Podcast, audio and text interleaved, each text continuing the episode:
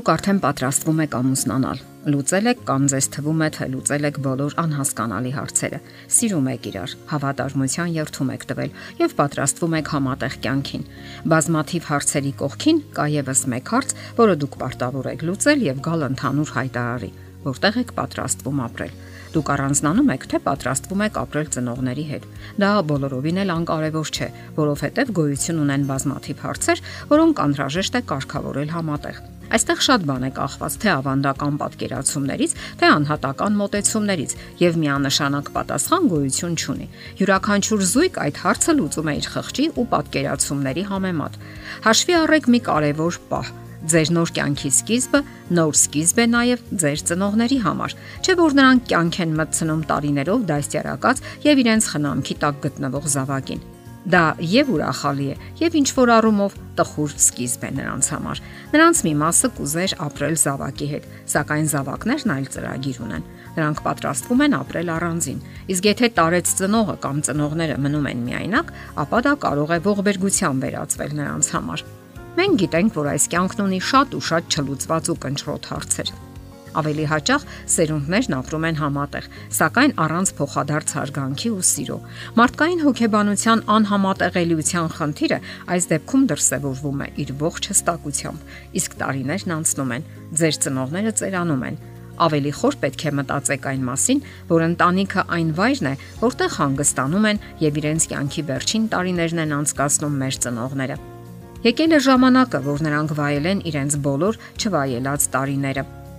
Չմտածեն նյութական հիմնախնդիրների մասին, բնակարանի վարձի ու կոմունալ ծախսերի եւ այլ անհրաժեշտ ծախսերի մասին։ Հիմա նրանց ժամանակն է վայելելու, որովհետեւ այդպես է աշխարհի բնականon կարգը։ Նրանք մեծանում են եւ ծերանում։ Այդ աչքերը, որ դեռ ոչ այնքան վաղ անցյալում վերից վար էին նայում մեզ, հանդիմանությամբ ու խստությամբ դաստիարակում մեզ, այժմ ներքևից են նայում մեզ, համր տանջալից մի հարց շուրթերին միթե բաժանվելու ժամանակն է։ Իսկ այդ ժամանակը միշտ գալիս է։ Բաժանման պատմությունը սկսվում է այն պահից, երբ մենք լքում ենք մայրական ապահով եւ հուսալի ընդերքը, ապա լքում ենք մայրական կուրծքը, քիչ ավելի ուշ մայրական зерքերը։ Հետո մենք հասունանում ենք, դառնում ինքնուրույն։ Աստիճանաբար գալիս են մանր լքումներն ու բաժանումները՝ ուսանողություն, այլ քաղաք, առաջին հանդիպում հակառակ սեռի հետ,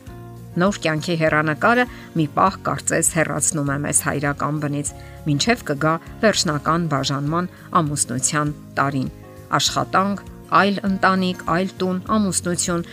եւ սեփական օջախ։ Եվ այդ բաժանումներից յուրաքանչյուրը մեր հոգում աննշան վերքեր ու յուրատեսակ ու անկրկնելի ուղենիշներ է թողնում։ Կարծես նախապատրաստելով մեկ այլ ավելի մեծ ու անդառնալի բաժանման։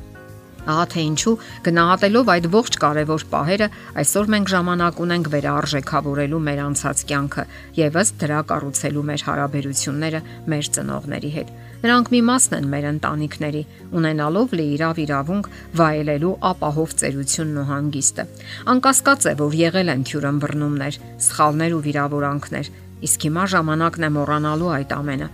որովհետև նրանք ճանաչել են անել ամեն ինչ ըստ իրենց ըմբռնողության եւ մտավոր ու ֆիզիկական հնարավորությունների։ Հիմա եւ ընդհանրապես ժամանակը չէ հիշելու այդ ամենը եւ փորփրելու անցյալի վերքերը, որովհետև դրանք պատկանում են պատմությանը։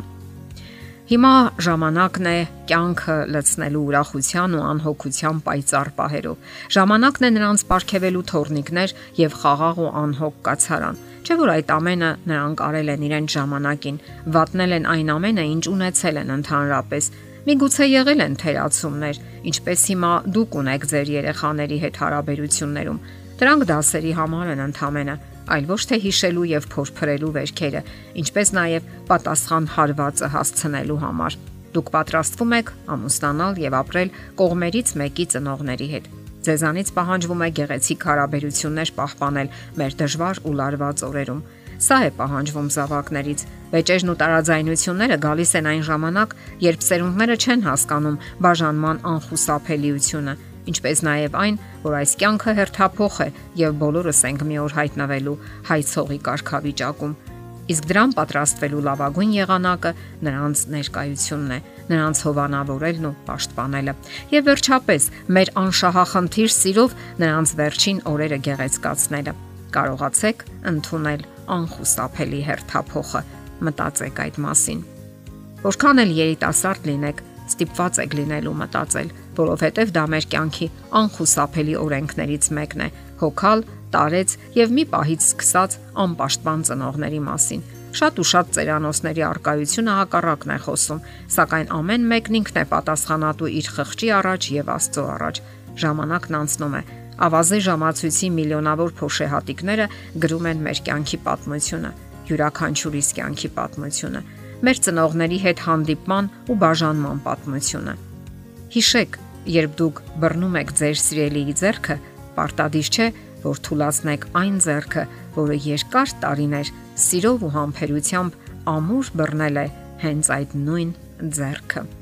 Եթերում ճանապար երկուսով հաղորդաշարներ։ Ձեզ հետ է Գեղեցիկ Մարտիրոսյանը։ Հարցերի եւ առաջարկությունների համար զանգահարել 033 87 87 87 հեռախոսահամարով։